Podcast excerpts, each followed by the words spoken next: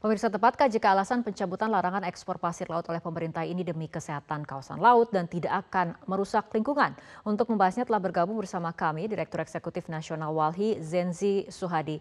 Selamat sore Pak Zenzi. Selamat sore Mbak Fitri.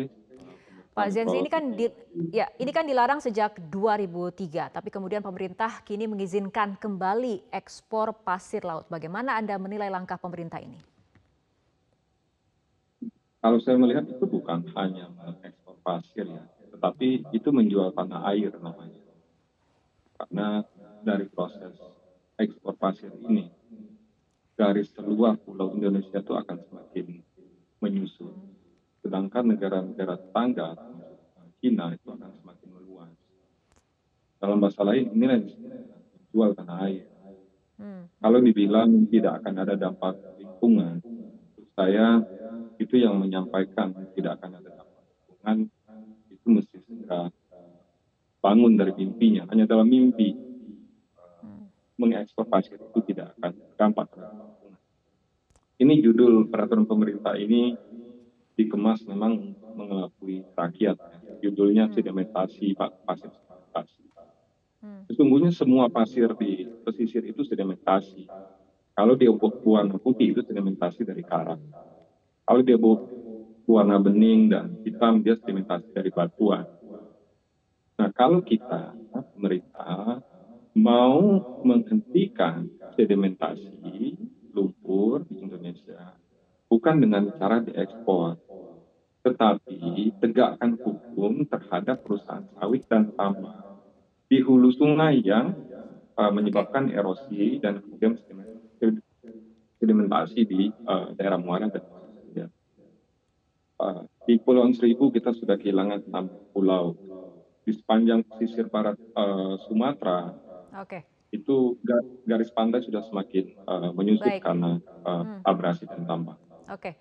Baik Pak Zenzi, nah mengenai hal ini, sebelumnya kan keputusan menghentikan ekspor pasir laut karena untuk mencegah kerusakan lingkungan berupa tenggelamnya pulau-pulau kecil di Indonesia. Kondisinya saat ini seperti apa dari pantauan Walhi sendiri? Indonesia ini negara archipelago terbesar di dunia ya, karena kita negara punya 14 pulau lebih. Tetapi kita menghadapi risiko yang besar karena perubahan iklim. Mencairnya es di kutub itu negara-negara kepulauan termasuk pulau-pulau kecil Indonesia itu terancam dengan tenggelam.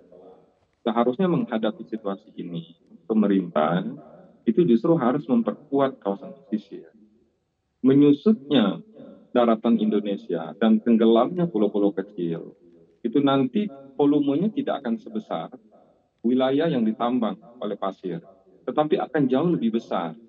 Karena biasanya wilayah-wilayah yang sudah ditambang oleh pasir, maka kawasan sepadan pantainya itu akan cepat rusak. Ini akan memicu abrasi yang besar-besaran.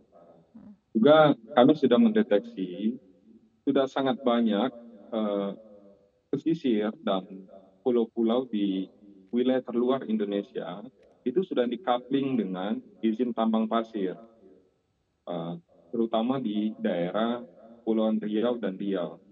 Hmm. Artinya memang sudah ada pihak yang menunggu hmm. uh, pemerintah Indonesia ini membuka keran ekspor pasir. Okay. Kalau kita mau mempertimbangkan ekonomi, sebenarnya tidak ada keuntungannya dari ekspor tambang ini.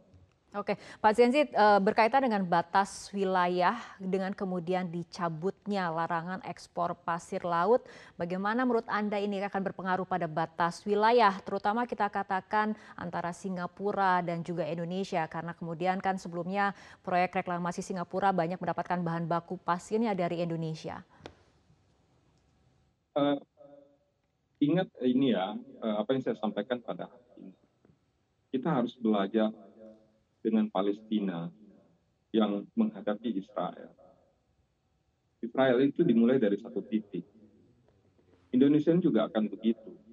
Karena dari setiap metrik ton pasir yang diekspor, wilayah Indonesia itu akan berkurang. Sedangkan negara tetangga itu akan meluas. Bukan hanya satu titik di Indonesia itu yang akan berkurang. Bukan hanya Kepulauan Riau dan Riau, tapi pulau-pulau lain itu akan diingkar. Karena ketika dibuka keran ekspor itu, maka para broker tambang, para pemain tambang di pasir ini semuanya akan bergerak dan itu tidak akan terkendali. Saya mau mengingatkan Bapak Presiden ya, tanpa mengurangi rasa hormat saya kepada kepala negara. Hentikanlah uh, kebodohan ini. Ini keputusan yang salah dan keliru, membahayakan tanah air, membahayakan bangsa ini di masa depan. Oke, artinya apakah ada langkah yang akan diambil dari Walhi terkait langkah pemerintah mencabut larangan ekspor pasir laut ini?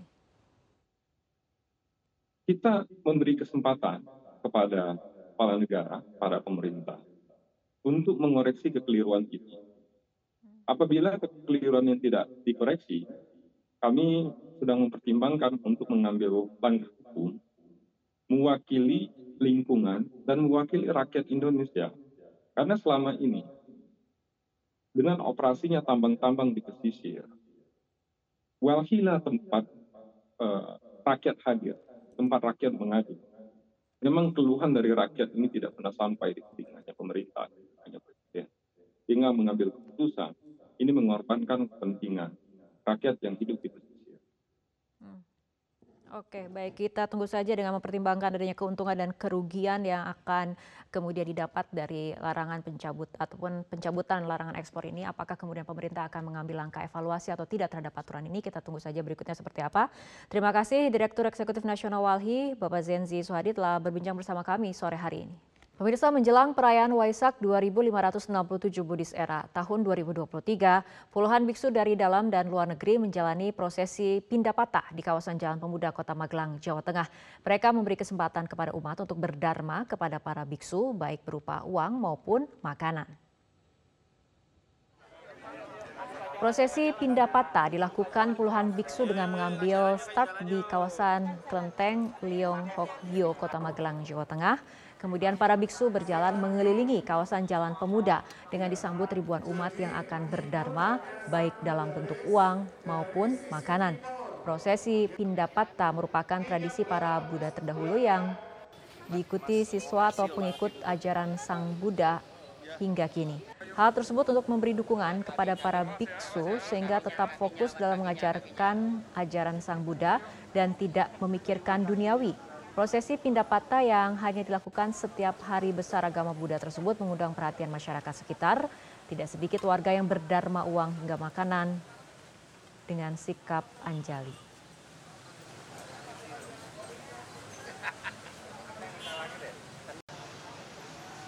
yang kosong saya minta satu. Kegiatan bakti sosial berupa pengobatan gratis yang diadakan oleh perwakilan umat Buddha Indonesia atau Walubi memasuki hari kedua atau hari terakhir, masyarakat mengaku sangat terbantu dengan adanya kegiatan tersebut.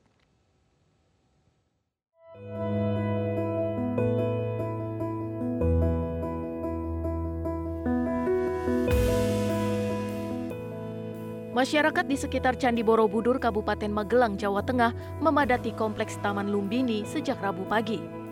Masyarakat datang untuk mengikuti pengobatan gratis hari kedua yang digelar oleh perwakilan umat Buddha Indonesia atau Walubi.